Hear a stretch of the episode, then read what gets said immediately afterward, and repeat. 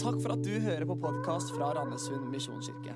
Denne talen er spilt inn på en av våre gudstjenester, og vår visjon er å hjelpe mennesker til tro på Jesus og et liv med Han. Gå inn på mkirken.no eller Randesund misjonskirke på Facebook for mer info. Det er noen datoer og noen tidspunkt som forandrer alt.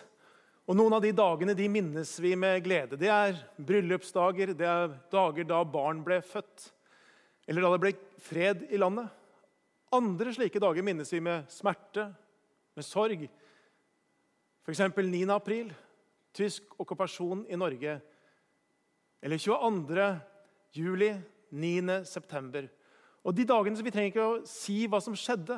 Vi vet det, datoen sier det hele. Slike dager blir vendepunkter i vår historie. Det blir et før og et etter slike dager. Kanskje vil 12. mars bli en slik dato. Dagen da Erna innførte de mest inngripende reguleringer siden krigen. Og Jeg tror det gikk opp for oss alle hvor alvorlig denne viruset var. Verden blir aldri det samme, sto det som overskrift i Dagbladet. Og det tror jeg er riktig. Vi vet bare ikke helt hvordan verden kommer til å bli ut etterpå. Spørsmålene er langt flere enn svarene. Og Kanskje er det også sånn at vi stiller nye spørsmål til vår tro. Kanskje lurer vi på om troen kan gi mening i en slik situasjon. Kanskje stiller vi spørsmål om hvor er Gud oppi alt det her? Eller vi lurer på hvordan skal vi være kristen nå? Hvordan skal vi leve ut troens liv nå, og hvordan være kirke? Vi starter i dag opp med en taleserie som vi har gitt navnet 'Da alt ble forandret'. Og Vi kommer til gjennom hele denne serien å ta for oss avsnitt fra apostelens gjerninger som viser oss hvordan de første kristne, den første menighet, måtte navigere og finne vei i en situasjon hvor alt var blitt forandra for dem. Teksten vi skal dele sammen i dag, er fra det første kapittelet av Apostelens gjerninger.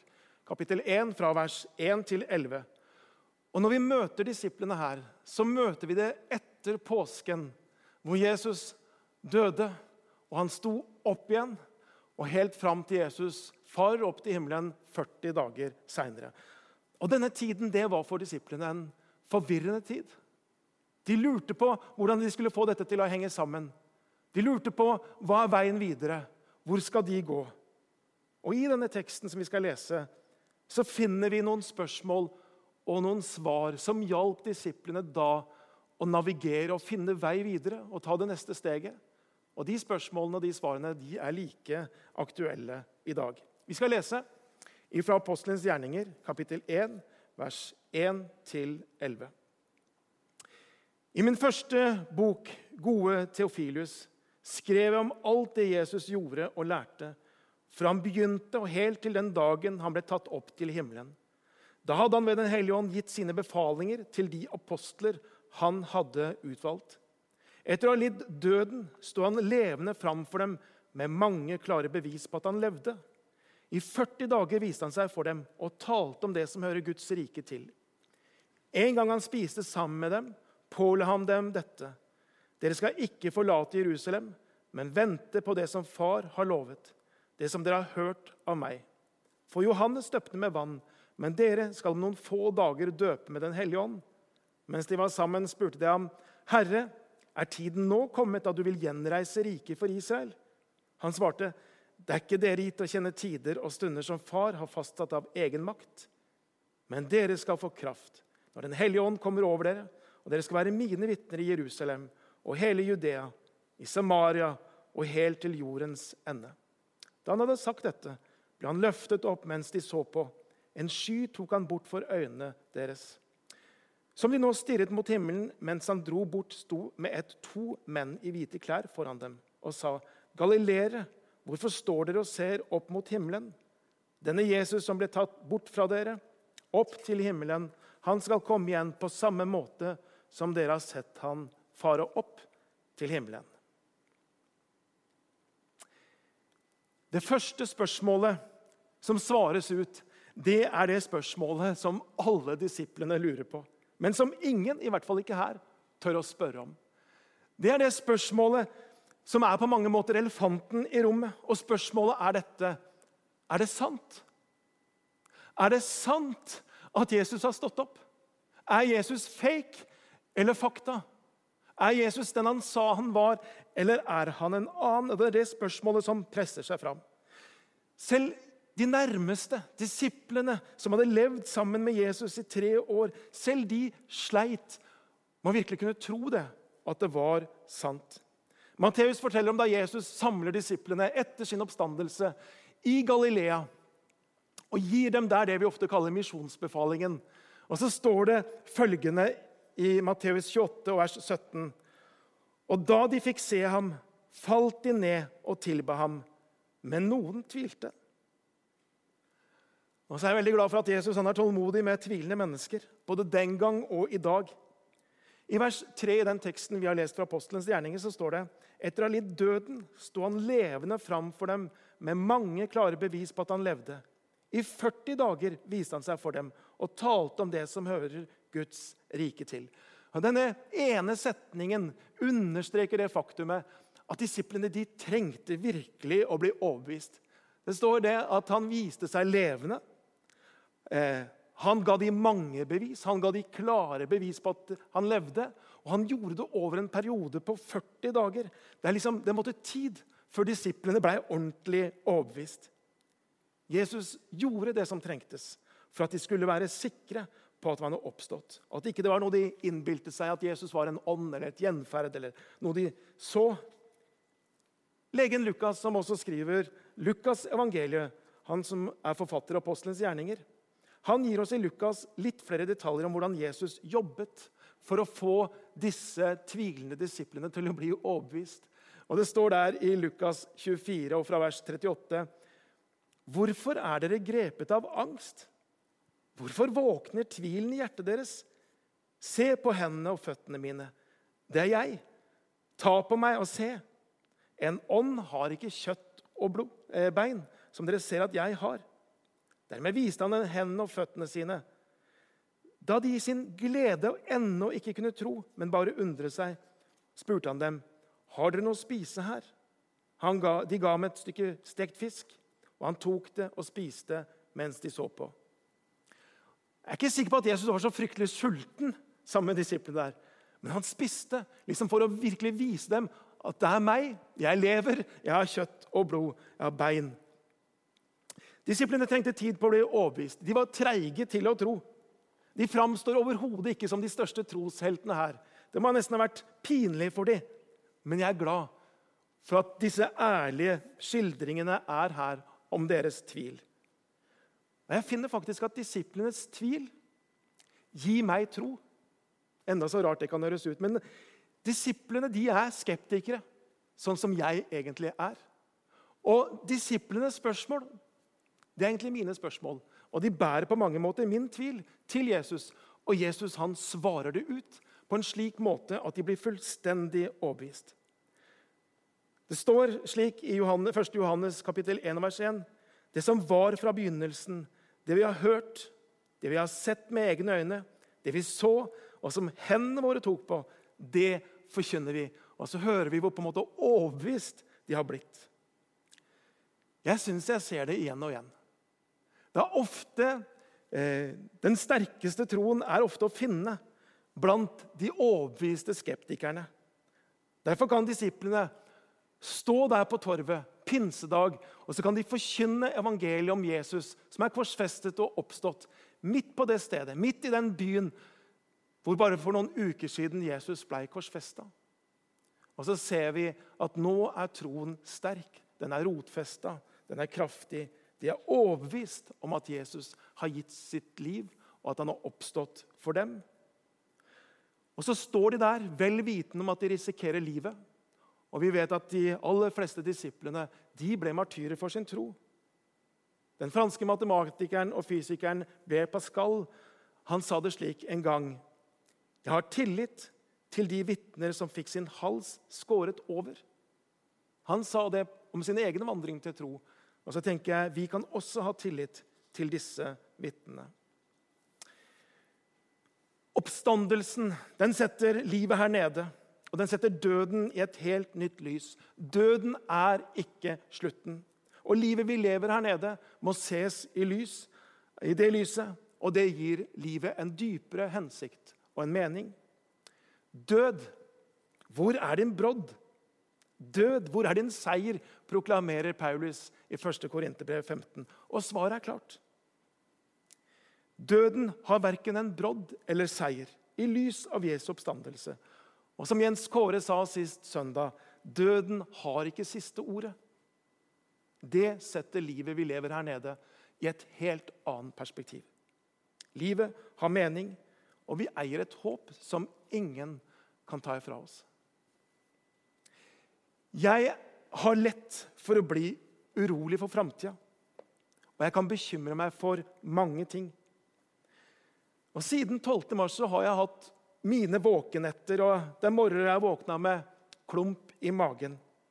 Og så er det et ord som har blitt så viktig for meg, og det er fra Romerbrevet kapittel 14 vers 8, hvor det står For om vi lever, så lever vi for Herren. Om vi dør, så dør vi for Herren. Enten vi da lever eller dør, så hører vi Herren til. Derfor døde Kristus og ble levende igjen, for at han skulle være herre både over levende og døde. Om jeg lever eller dør, så hører jeg Herren til. Det gir hvile. Det gir ro, og det gir frihet. Det første spørsmålet som denne teksten på mange måter svarer ut, det er dette. Kan vi stole på at det er sant? Og Disiplene sammen med Lukas her, de, de roper ut et rungende ja med tykk strek under svaret. Det er sant. Jesus har stått opp. Det andre spørsmålet i teksten handler om så hva betyr det? Hvilke konsekvenser eller hvilke implikasjoner får det at Jesus har stått opp? I vers 4 så leser vi hvordan disiplene stiller Jesus spørsmål om akkurat det fra sin synsvinkel. De sier, 'Herre, er tiden nå kommet da du vil gjenreise riket for Israel?' Så tenker kanskje vi at det der var et veldig rart spørsmål å stille. Det var ikke det spørsmålet jeg ville stille hvis jeg kunne stille Jesus ett spørsmål. Men kanskje er det ikke så rart som det ser ut som. Disiplene var, slik som vi ofte er, opptatt av her og nå-situasjonen, opptatt av de nære ting. Og de var fortvila over den urettferdigheten som de erfarte. De levde midt i et romersk terrorvelde. En romersk overmakt som ikke tok fem flate øre for å korsfeste uskyldige. Det hadde de nydelig sett.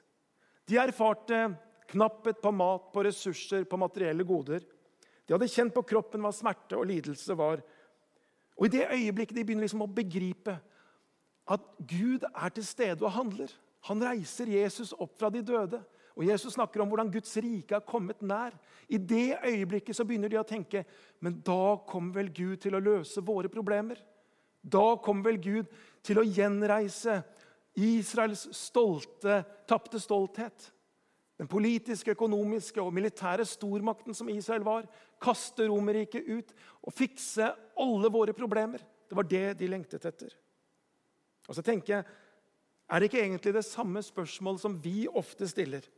Når vi kjemper med dette, her, hvordan kan Gud være både kjærlig og allmektig, og samtidig er det så mye lidelse i verden? Hvordan kan vi på en måte få det til å henge sammen? Også vi ønsker vel egentlig at Gud skal fikse verden. Som en sørgende mor utbrøt. Hvorfor kunne ikke bare Gud gjort mitt barn friskt? Det virker som en så enkel ting for Gud å gjøre om han er allmektig. Jesus svarer disiplene på følgende måte.: Det er ikke dere gitt å kjenne tider og stunder som far har fastsatt av sin egen makt. Det betyr at Jesus avviser ikke spørsmålet, men han ber sine disipler om å la spekulasjonen ligge. Han sier Gud har en plan, Gud har kontroll. Gud har en tidslinje. Det skal komme en tid hvor Gud skal sette alle ting i rette stand. En tid hvor Guds rike skal åpenbare seg i sin fylde.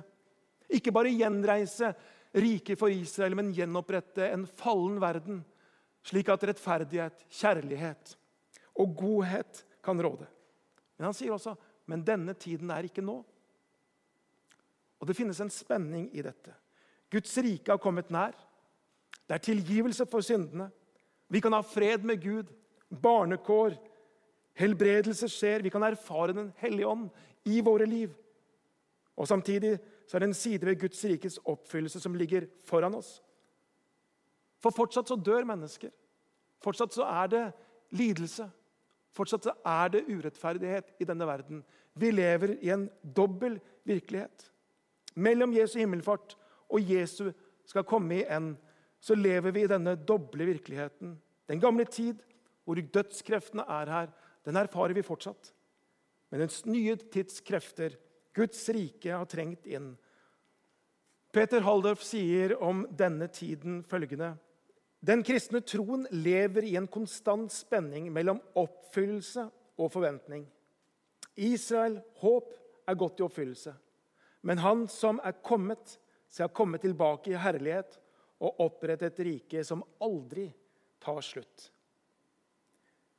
Derfor så trenger ikke troen på en kjærlig Gud å rokkes, selv om vi skulle erfare smerte, lidelse, sorg i våre liv. Det henger sammen med denne doble realiteten som vi snakker om. Vi lever i denne mellomtilstanden mellom Jesu første og Jesu andre komme.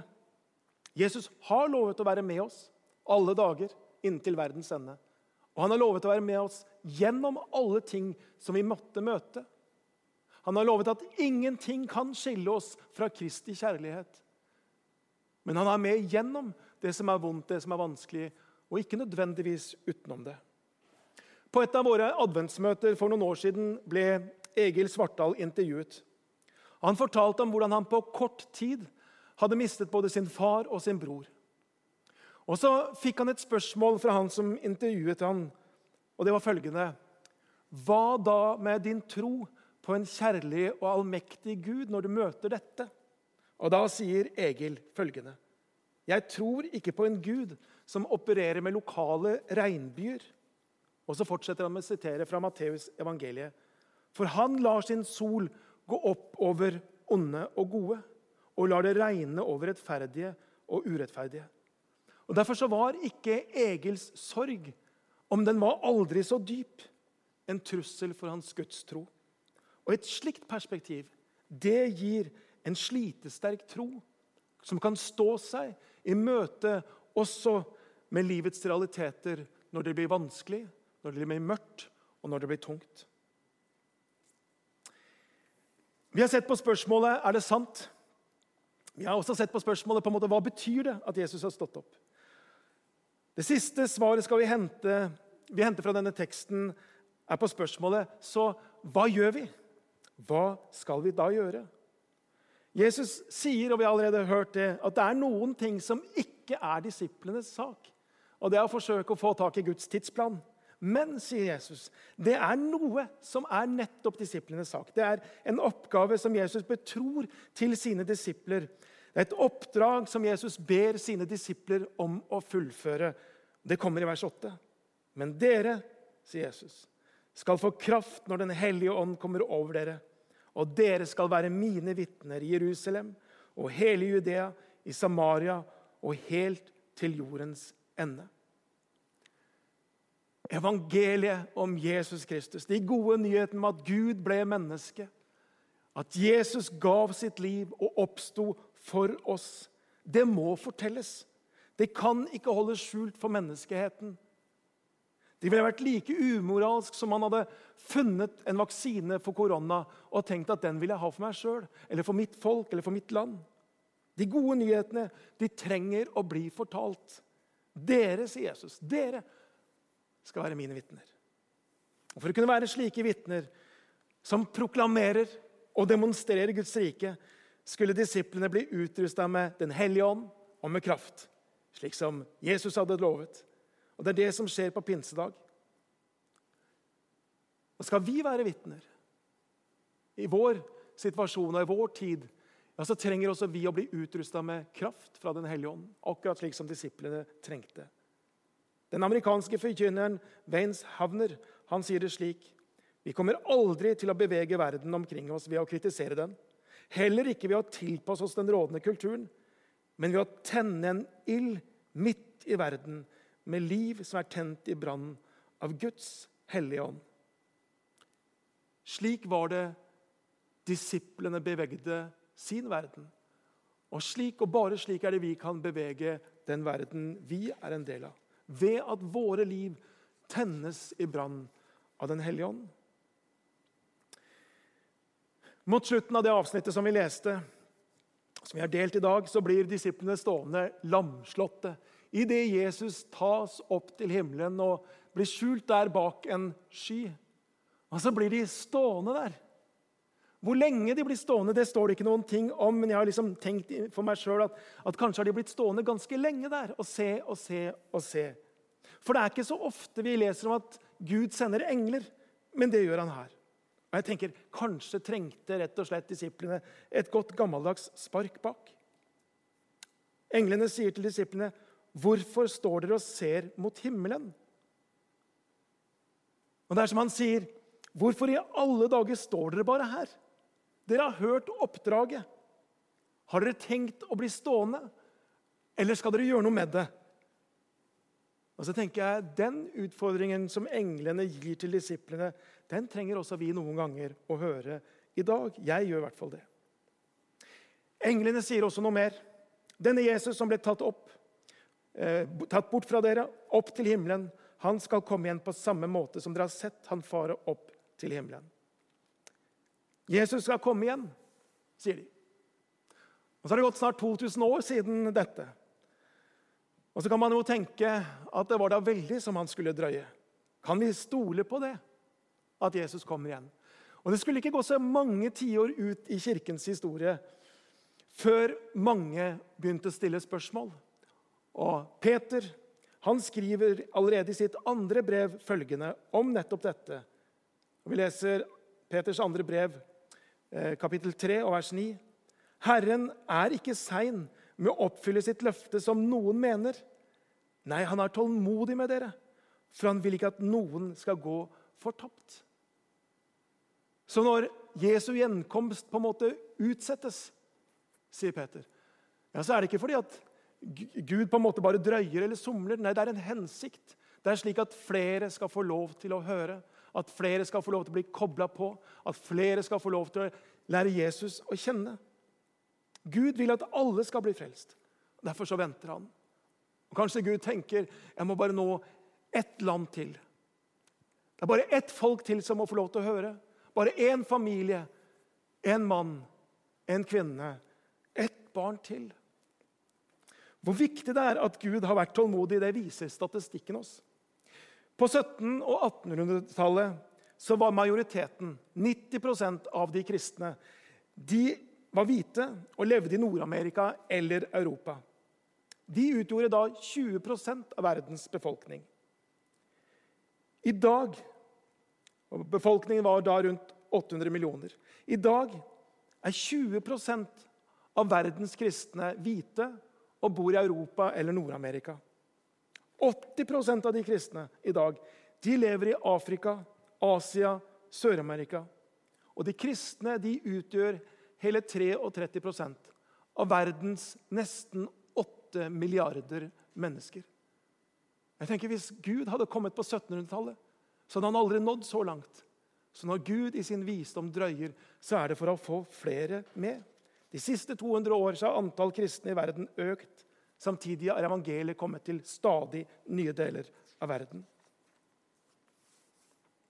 Det får vi som lever i dag, lov til å være med og se skjer. Og Det skrives stadig nye kapitler i apostlenes gjerninger. Oppdraget det fullføres for våre øyne. Hva skal Kirken gjøre? Hva er viktig i den tiden vi lever i? Jeg tenker at Uansett hvilken situasjon vi måtte befinne oss i, så ser det for meg ut som at den viktigste oppgaven Kirken kan gjøre, det viktigste kallet vi har, det Jesus ber oss mest innstendig om å gjøre, det er nettopp dette det er å være hans vitner.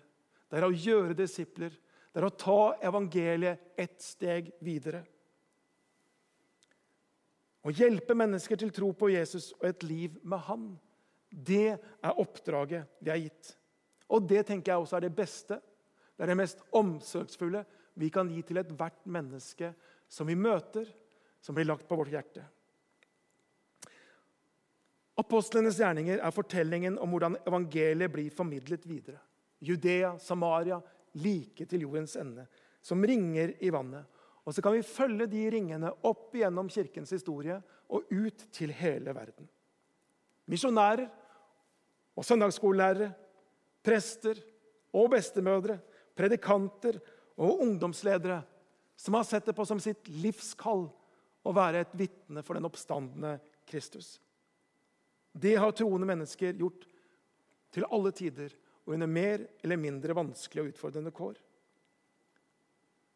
Og nå er det vår oppgave, min oppgave, men også din oppgave, å se til at nye mennesker, nye folk, nye generasjoner kan få lov til å lære Jesus å kjenne. Erfare han som seiret over dødskreftene på korset, og som sto opp fra graven. Han som vil gi fred, rettferdighet, nåde og sin kjærlighet til hvert eneste menneske. Og Dette tenker jeg er det viktigste vi kan gjøre, uansett hvilken situasjon vi måtte befinne oss i. Og så kan jo vi hver for oss tenke igjennom hvordan kan det der se ut i mitt liv. Hvordan kan jeg være med? Hvordan kan jeg være et oppstandelsesvitne? Og så har vi alle noen muligheter. Og Det handler om å se de, og vi alle kan være en del av det som Gud ønsker å gjøre i vår verden i dag. Selv i disse tider hvor vi sitter ofte mye hjemme, ja, så kan vi jo gjøre noe. Det går an å invitere venner til online gudstjeneste. Det går an å dele det som sendes fra denne kirken. Det går an å ta en telefon. Det går an å kommunisere. Det går an å be, og det går an å være med og støtte noen som på en eller annen måte er der hvor de er et tydelig vitne. Vær mine vitner, sier Jesus til disiplene. Og så sier han til alle som ønsker å leve livet for ham. Amen. Kjære Jesus Kristus. Jeg har lyst til å inderlig takke deg for at du ga ditt liv, og for at du sto opp fra graven, her. Takk for livskreftene som var der, Jesus, som, som vant over alt som var av dødskrefter, og som triumferte. Og takk for at vi i dag vi kan leve under den seieren. Vi kan leve i det lyset som kommer fra den tomme graven. Og vi kan få lov til å leve i kraften fra den oppstandende. Og så ber jeg deg, Herre, at du må komme til oss der vi sitter, i våre hjem, foran en skjerm, Jesus. Må du tale inn i våre liv, Jesus. For du har en vei og du har en plan med den enkelte av oss. Du ønsker å bruke oss, og du utfordrer oss, Jesus, til å være dine vitner der vi er satt. Må du velsigne hver eneste en som har fulgt denne sendingen. Amen.